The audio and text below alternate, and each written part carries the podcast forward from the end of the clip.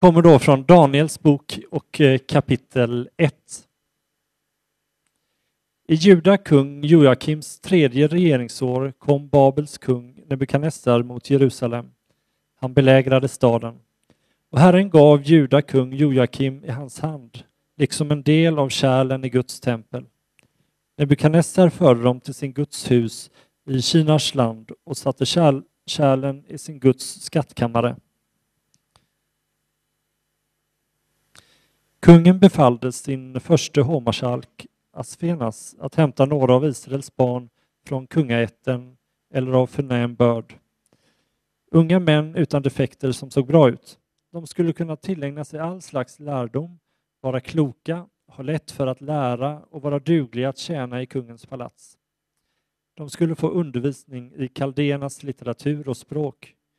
Kungen bestämde åt dem en daglig tilldelning av kungens egen mat och av vinet som han själv drack. De skulle läras upp i tre år och därefter tjänstgöra hos kungen. Bland dem var Daniel, Hananja, Mishael och Asarja av Judastam. Men förste hovmarskalken gav dem andra namn. Daniel kallade han Beltesassar, Hananja, Sadrak, Mishael, Mesak och Asarja Abednego.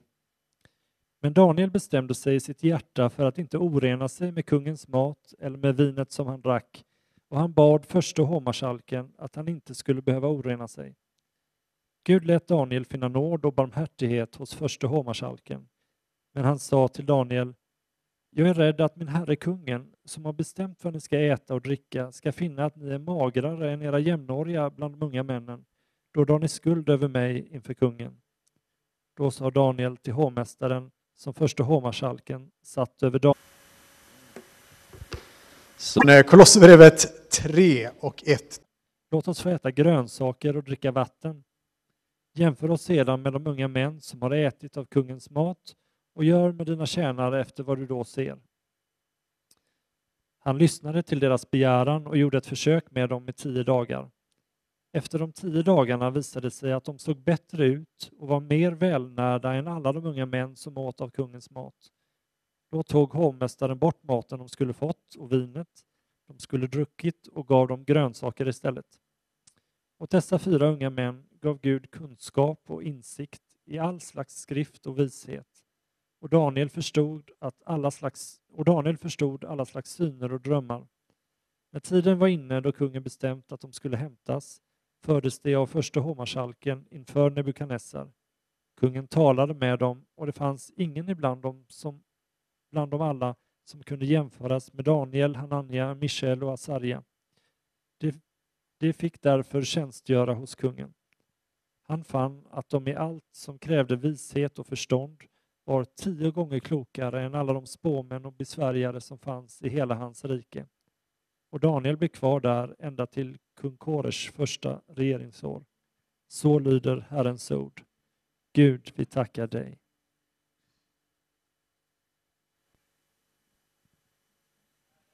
Vi eh, tackar dig att du är en god Gud, Herre, som vi kan förtrösta på, Herre. Idag hämtar vi styrka hos dig, Herre. Vi behöver styrka och glädje ifrån dig, Herre. Att det är ett privilegium att tjäna dig mitt i denna världen, även om det finns så många saker som står emot ditt rike, som vill vill vara en rival till ditt rike, Herre. Därför ber vi, oss, eh, ber vi att du ska ge av kraft ifrån ovan, att, att bryta kedjor i våra liv och att all form av prestation när det kommer till vår tro ska försvinna och istället att du ska träda in, låta oss träda in i frimodighet och frihet och glädje att följa dig mitt i en gudlös värld. Att det finns inget mer värt att känna känna dig och att följa dig. Herre.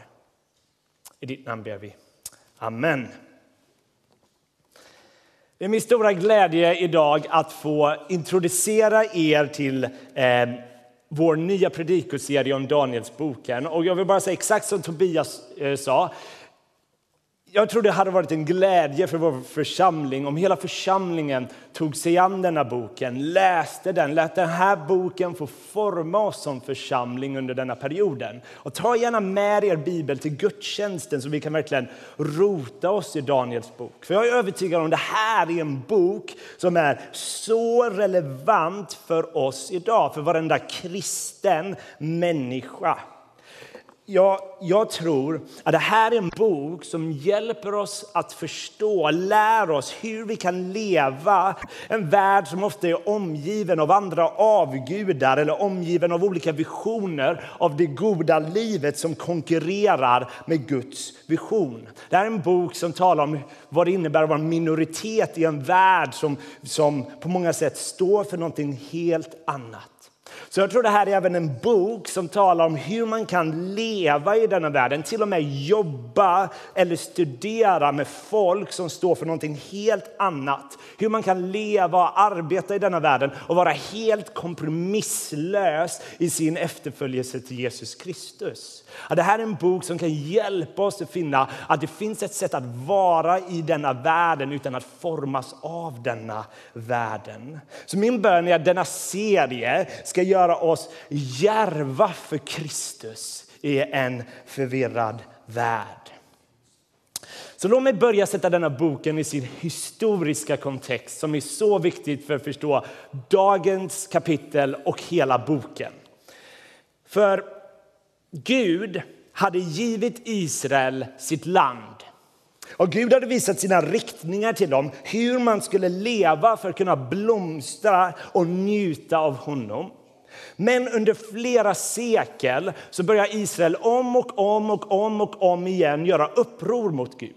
De börjar tillbe andra gudar och Gud säger om och om och om igen omvänd er, kom hem, kom tillbaka. Och Gud ger dem chans efter chans efter chans efter chans. Till slut så beskrivs en, en läskig berättelse där israeliterna till och med börjar offra spädbarn till guden Molok. Och Gud hade varnat dem att om de inte omvänder sig så måste han låta dem, eh, får de inte vara kvar i landet han har givit dem. Och till slut så sänder Gud ut Israel ur sitt land. Och det här är den perioden som kallas exilen. En period av 70 år som är en väldigt tung period. Och den börjar med att den babylonska kungen Nebukadnessar belägrar Jerusalem år 605 år före Kristus. Och plötsligt tar Nebukadnessar Israels folk och sprider runt dem i hans babylonska rike. Han förstör till och med templet. Templet som skulle vara den plats där himmelen och jorden möttes, den var i ruiner. Allt var borta. Så i psalm 137 så säger, då, säger en psalmist vid Babylons floder satt vi och grät när vi tänkte på Sion. I pilträden som växte där hade vi hängt våra lyror. Det som höll oss fångna bad oss att sjunga. Det som släpade bort oss bad om glada visor. Sjung för oss en sång från Sion. Men hur kunde vi sjunga Herrens sånger i ett främmande land? Men i Danielsboken finner vi en man som verkar ha funnit ett sätt att sjunga Herrens sånger i ett främmande land. En man som fann sin glädje i Gud mitt i denna förvirrade värld. Men mer om det strax. Så babylonerna hade en strategi.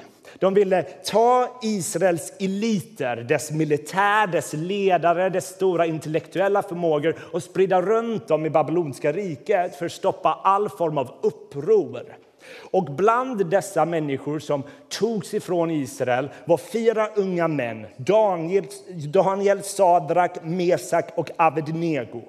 Det är förmodligen tonåringar och de anses som lovande personer. Och de förs till Babylons hjärta för att tjäna kungen som har tagit deras land. De skulle få en ny identitet och de var förmodligen rädda. Nebukadnessar skulle programmera om dem så deras lojalitet inte längre var till Guds rike utan Babylon och Nebukadnessar. Så Nebukadnessar använde tre olika strategier för att programmera om dessa unga män för att följa honom. Först står det i vers 4 att de fick undervisning i kalidernas litteratur och språk. Och Det kanske låter oskyldigt. Men tanken var inte att de skulle bara bli duktiga akademiker som kan saker. Tanken var snarare att den här litteraturen skulle forma deras världssyn. För bakom varenda litteratur finns en världssyn. Det finns ingen litteratur i denna världen, ingen utbildning som är fri från värderingar. Utan det försöker presentera hur denna världen hänger ihop. Så det är första grejen.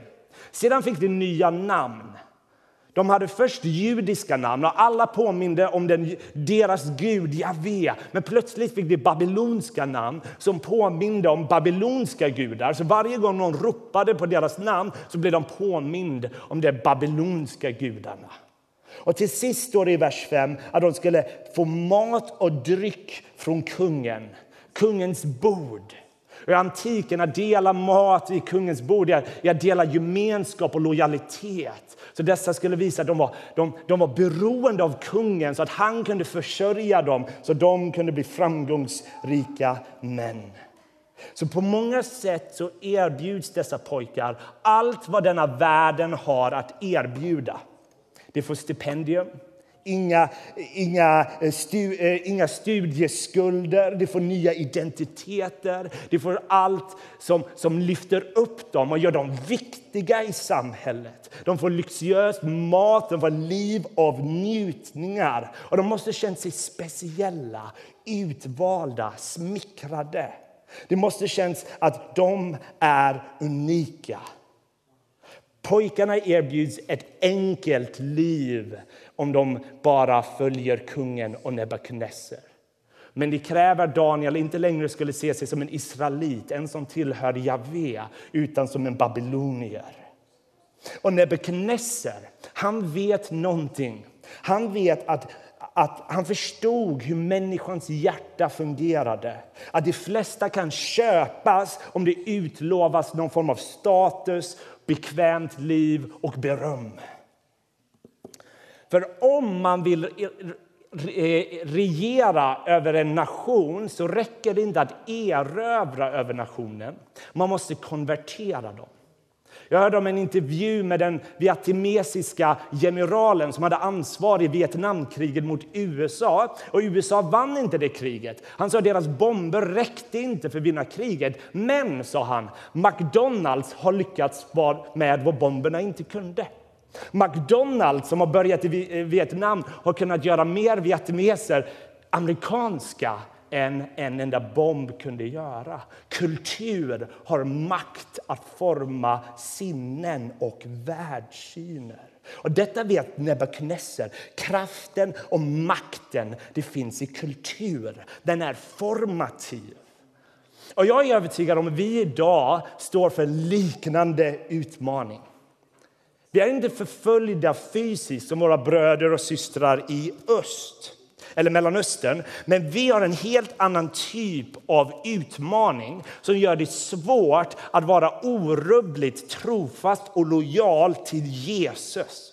För vi lever i en värld som försöker ständigt vinna vår lojalitet och vår hunger. Jag tror vi lever i en värld som vill programmera om oss att göra oss först och främst sekulära och sen kanske kristna.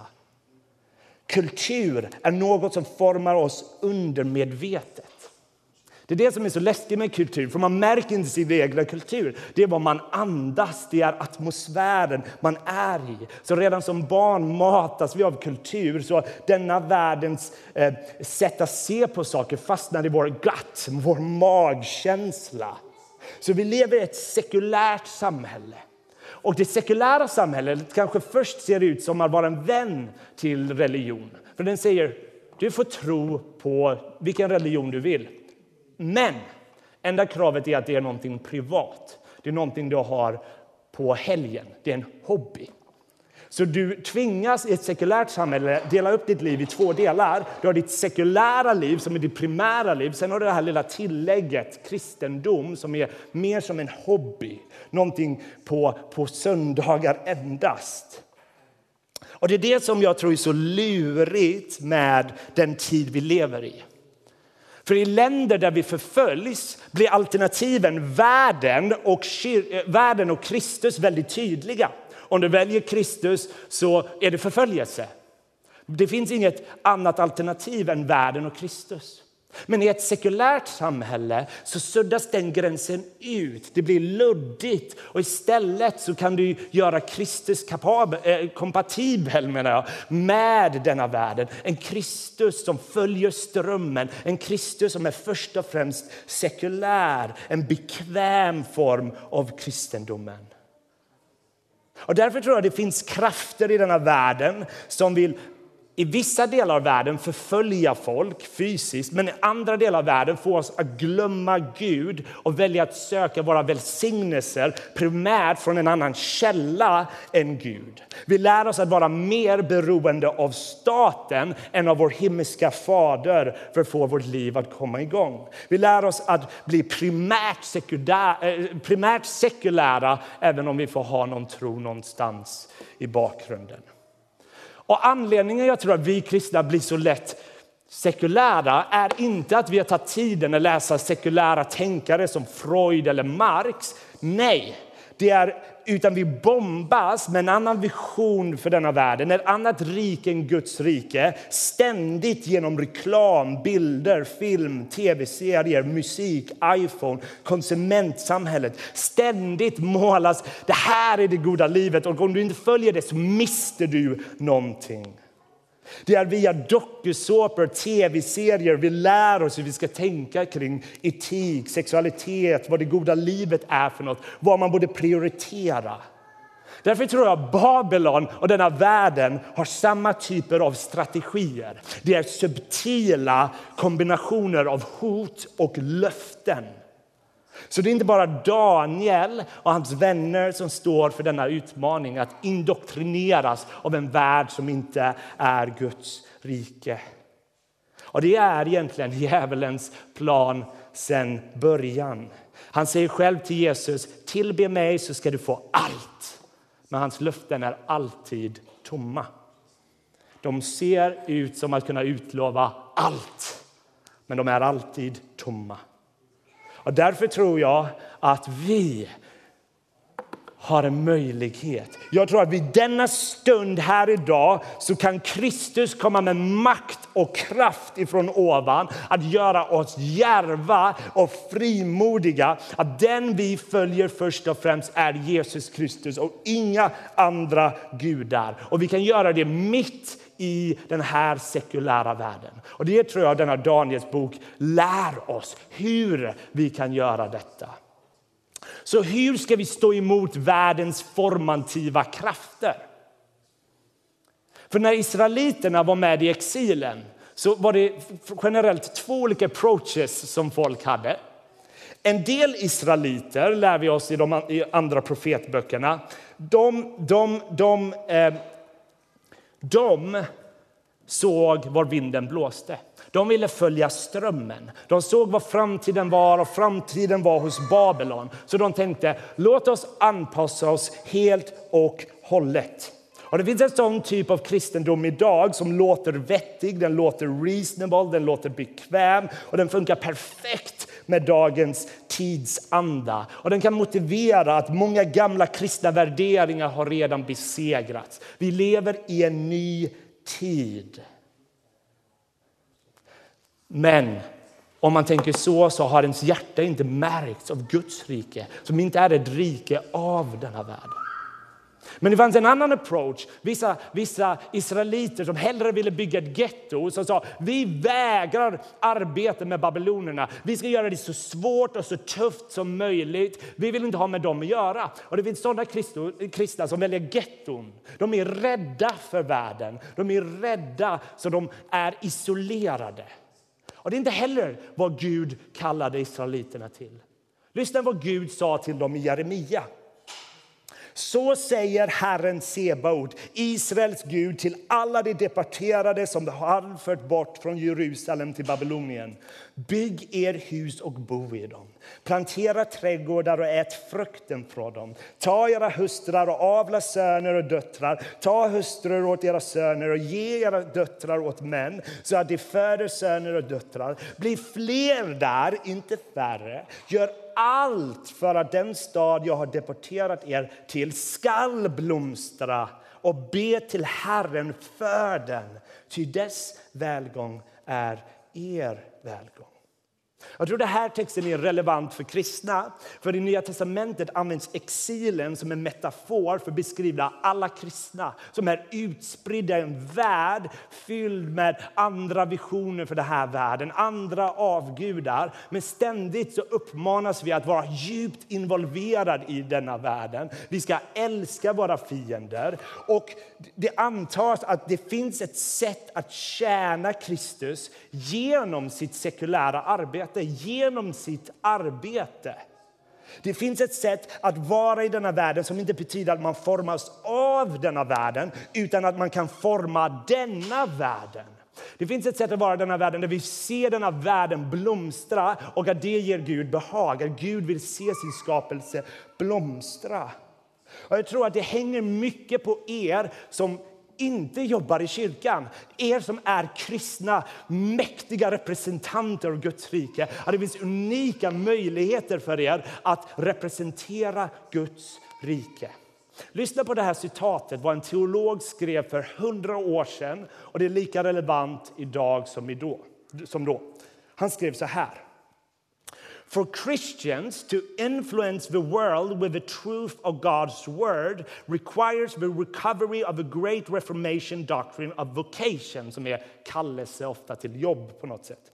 Christians are called to God's service not only in church professions but also in every secular calling.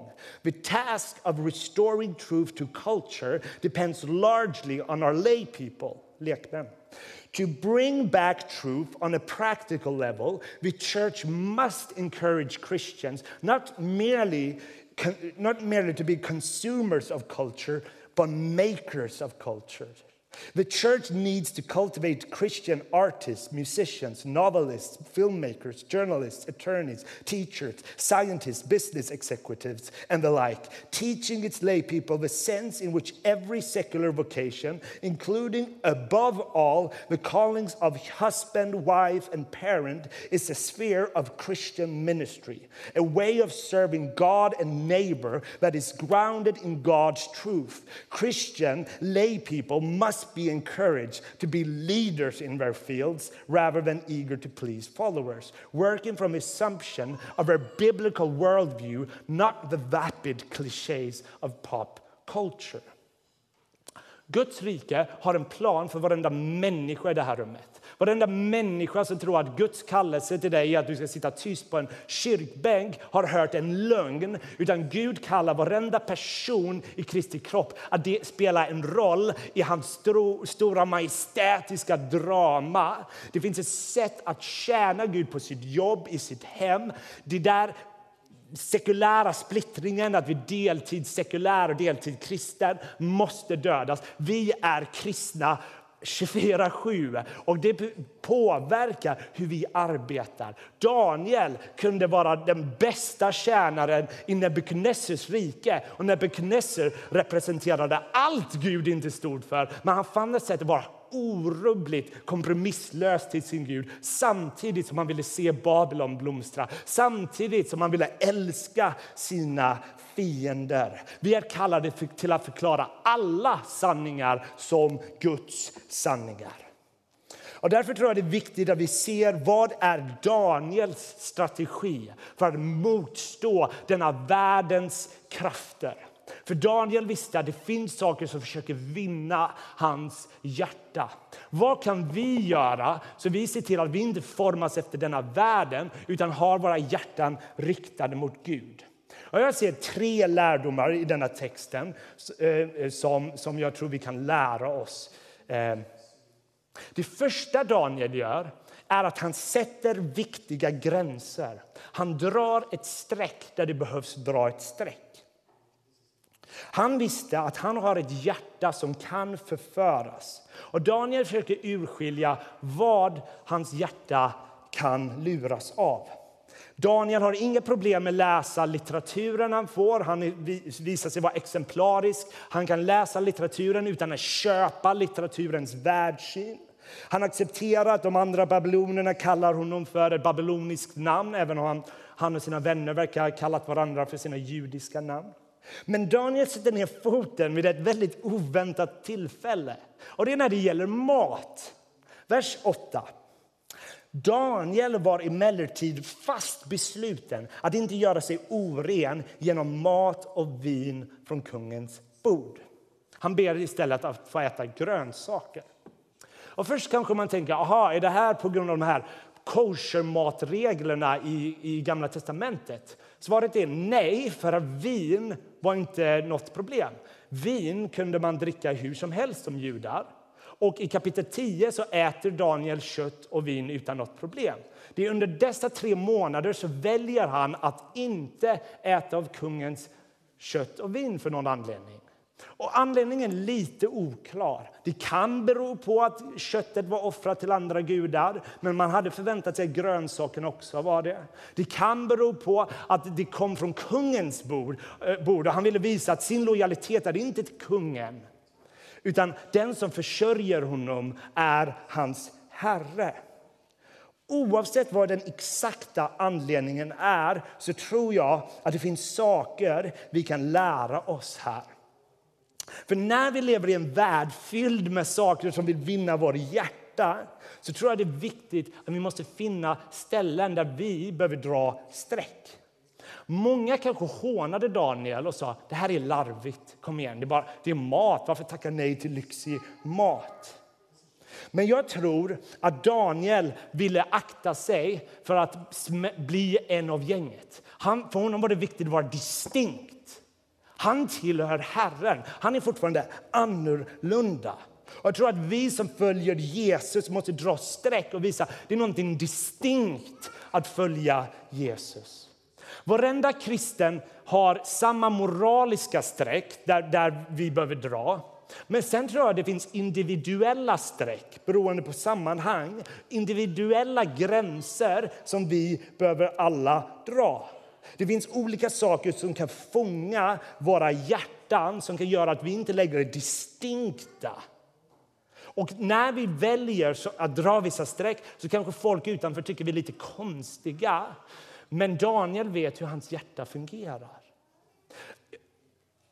Jag gjorde en sån här grej en gång i mitt liv. För Innan jag höll på med teologi så var var musik mitt allt. Jag ville eh, hålla på med musik. Eh, det var det enda jag brydde mig om. Men det visade sig att varje gång jag spelade en konsert och spelade fel så fick jag typ panik. Det var liksom min värld kraschade. Och det var tydligt att hade blivit en avgud. Min identitet stod och föll på musik. Och sen när Gud kallade mig till att eh, hålla på med teologi så bytte jag passion där jag fann all min glädje och tröst i Jesus istället. Och, och, det befriade mig från, från den här avguden. Nu spelar jag alltid fel och bryr mig inte, även om jag kanske borde. Men det är nya tider. Eh, men jag kände själv att jag behövde dra ett streck. Jag valde att tacka nej till varenda så här profan gig på klubbspelning och så vidare. Allt det där var min dröm förut. Men jag valde för mig själv att ägna musiken enbart till lovsång och till Gud. Inte på grund av det där var synd, men det var viktigt för mitt hjärta vid, den, vid det tillfället.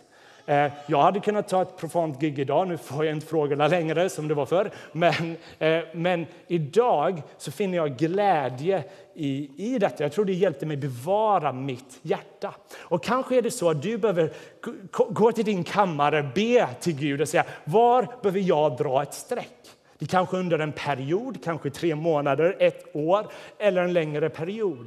Men det kanske är så att du behöver gå in till kammaren och be till Kristus. Vad ska vi göra här? Det andra som Daniel gör är att han väljer ett liv som är beroende av Gud. Daniel sätter sig i en position där han är mer beroende av Guds kraft än Nebukadnessars. Han sätter sig i en position där han är mer beroende av att Gud ska leda och försörja honom än Nebukadnessar. Och det är eh, blivit uppenbart för mig att kanske anledningen vi inte upplever så ofta Andens kraft är för att vi väljer liv som, krä, som inte kräver att vi behöver Andens kraft. Vi kanske väljer liv som är, som är, är jobbiga och svåra, men vi klarar det precis. Men kanske är det så att vi behöver välja ett annat sätt att vara som gör oss mer beroende av Gud. Kanske är det så att vi behöver ständigt komma till bön som är det som matar in oss. Vi är beroende av honom. Att han är den som ger allt vi behöver i denna världen. Därför tror jag det är viktigt i våra liv, i de rytmer vi är i, att vi har ett liv som andas av tacksamhet till Gud. Att när vi äter så tackar vi Gud, när vi träffar våra vänner så tackar vi Gud. Vi lever ett liv som är beroende av Gud. Och det är vad Daniel gör. Han försätter sig i positioner där han behöver att Gud ska steppa in och hjälpa. Så han väljer att äta inte från kungens mat, utan han väljer sig istället försätta sig i en position där Gud behöver förse kraft. Och det slutar med att Gud ger honom övernaturlig kraft. Han och hans vänner får bli mer liksom, tränade och ha bättre visdom för de är beroende av Gud. De försöker, försöker finna kraft ovan. Och den sista grejen jag vill säga av strategierna jag ser här. Så första var att, var att dra viktiga gränser. Andra var att sätta sig i en position som är beroende av Guds kraft. Det sista är att omgiv dig av vänner som älskar Jesus över allt annat.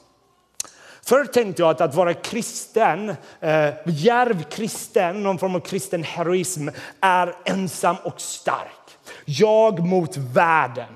Det fanns något attraktivt med den bilden, någon form av kristen superman. Men det visade sig inte fungera i huvud taget. Kristus kallar oss till någonting annat. Att vara järv betyder inte vara ensam. Kristus har skapat församlingen. Och det finns barnsånger som sjunger om att man ska dare to be a Daniel. Och en av grejerna är att han var ensam och stark. Det är inte vad vi lär sig i Daniels bok. Han har tre vänner som är ovärdeliga för honom. Så i kapitel 2, som vi kommer att höra mer om nästa vecka, då säger Nebukadnessar, jag har drömt en dröm och ni ska säga vad jag drömde och vad det betydde. Liksom. De ska läsa hans tankar. Liksom. De behöver, han vägrar berätta vad det var för dröm. Och han säger, om ni inte kan berätta vad jag drömde kommer jag döda er. Och Daniel säger, jag kan göra det så tror man att Daniel vet vad drömmen är när han säger ja. Nej, han springer till sina vänner och säger be för mig. Vi behöver be ihop. Så tillsammans ber de och söker Gud. Och detta är nödvändigt för det kristna livet, för att inte formas av denna världen. Vi behöver stabila människor runt om oss som älskar Jesus, som älskar att kunna umgås med varandra, där det är naturligt, där vi kan till och med be med varandra. Jag tror vi behöver gemenskap där, där enda gången vi ber är inte på gudstjänst eller cellgrupp. Att när vi träffar varandra är det naturligt att vi ber och vi kan ge varandra värdefull input. För kristen, andlig, spirituell vänskap handlar om att vi tillsammans ska vandra i helighet, att vi tillsammans ska lista ut vad Kristus kallar oss till, hur vi kan hjälpa varandra på vägen. Gemenskapen, den kristna gemenskapen är formativ och nödvändig. Jag älskar en vers i Första Samuelsboken för kanske den kändaste vänskapen i Gamla testamentet är mellan David och Jonatan. Och, och, David behöver styrka. Han går till Jonatan och det står så här. Men Jonatan, Sauls son, kom till David i Horesh och styrkte honom i Gud. Det där är kristen vänskap där vi kommer till varandra och vi kan styrka varandra i vår glädje, i vår tapperhet till Herren. Och jag har vänner i det här rummet som har varit ovärderligt stöd. När jag har känt att Gud har kallat mig till att vara järv i någonting så har jag varit helt beroende av vänner som har kunnat stötta mig, kunnat be för mig och våga och göra så att jag kan känna okej, okay, jag tar ett längre steg, jag fortsätter vägen. Jag tror det är Guds nådemedel att ha kristen gemenskap. Vi behöver självklart vara vänner med icke-troende, men vi behöver nära, intima relationer där vi kan ha transparenta samtal och bön med varandra. För jag tror det formar oss. Grupptryck formar oss. Så om vi vill välja sekulär grupptryck eller helig grupptryck så föredrar jag det sista. Och jag tror det är livsnödvändigt. Kristus har kallat oss till att vara en kyrka, en gemenskap, en familj, inte olika individer. Och det tror jag Daniel insåg. Så, nu ska jag börja avsluta här, bara, bara två minuter här. Daniels bok kallar oss till kristen tapperhet och mod. Och det är en form av tapperhet där vi behöver söka vår styrka ifrån Herren. Och det kan betyda lite olika för oss. En del av oss eh, har kanske barriärer, att det är svårt att ens berätta att vi är troende på jobbet. Och jag tror att Jesus kan hålla din hand och att du kan lysa som ett ljus som, som, på ett sätt som du inte tror. Vissa av er kanske känner en kamp med att kompromissa med denna världens sätt att se på världen. Du känner världssynen håller på att ta över dig. Och vissa här kanske känner att man redan har kompromissat. Att vi är inte som Daniel, kanske vissa känner. Vi kanske inser att vi är sekulära och vi kanske inte är trofasta. Men då kan vi finna goda nyheter. Det fanns en man som var ännu mer trofast än Daniel. En man som var trofast när vi inte var det. I Andra Timoteusbrevet står det är vi trolösa förblir han ändå trogen, för han kan inte förneka sig själv. Kristus kallar oss inte till något han själv inte har gjort. Och han kallar oss inte till något som han inte ger styrkan och kraften för att vi ska kunna klara av. Det finns inget mer värt, inget mer värt att få lära känna Kristus och kraften ifrån hans uppståndelse. Och det finns inget större privilegium och glädje att få följa honom. Han är otroligt god. Och därför vill jag har jag tänkt på er som ser er tro som en prestation. Att följa Kristus är en prestation. Och jag vill bara be att Kristus ska bryta kedjorna. Att du har lurats. Att du är egentligen fri i Kristus. Att, att följa Kristus är sann frihet. Det finns inget mer värdefullt. Att det kristna livet är någonting gott och att framförallt att Kristus är i oss och med oss och kommer aldrig att överge oss. Och om det är så att du känner att ditt liv är en prestation så uppmuntrar jag gå till förbön och låt han klä av dig av din skam du känner och din synd och låta han ge av sig själv rikligt till dig. Och ge oss din heliga ande och påminna dig att när man tillhör Kristus så finns det inget som kan skilja oss från hans kärlek. Därför har vi inget att vara rädda för. Därför kan vi finna total frimodighet. Kristus kan befria oss från varenda rädsla som finns i det här rummet. Och det finns inget större privilegium att få kalla sig hans barn. Vi är fria. Vad, vad spelar det för roll vad denna världen tycker då? Men där kan vi bjudas in att vara mitt i denna världen kompromisslösa för vi känner den levande guden och vara ett ljus mitt i mörkret. Där det inte finns någon lagiskhet, bara frihet. Det är ett privilegium och det är nåd. Låt oss be. Herre, du är otroligt god och barmhärtig, Herre. Jag ber för alla de som kanske känt att sin tro är en prestation, att det är tungt, att det är svårt. Herre, jag ber att du ska drabba dem med din heliga ande, Herre. Att du ska känna, du ska visa dem att deras kedjor är brutna i Kristus, Herre. Att de kan känna uppståndelsens kraft, Herre. Att de kan känna att våren inte bara är igång i, i, i liksom denna säsongen, men i våra hjärtan. Vi lever i uppståndelsens era, Herre. Så Gör oss järva, Herre, för dig. Hjälp oss motstå denna världens krafter och makter. Och låt oss finna vår primära identitet, att vi tillhör dig. Amen.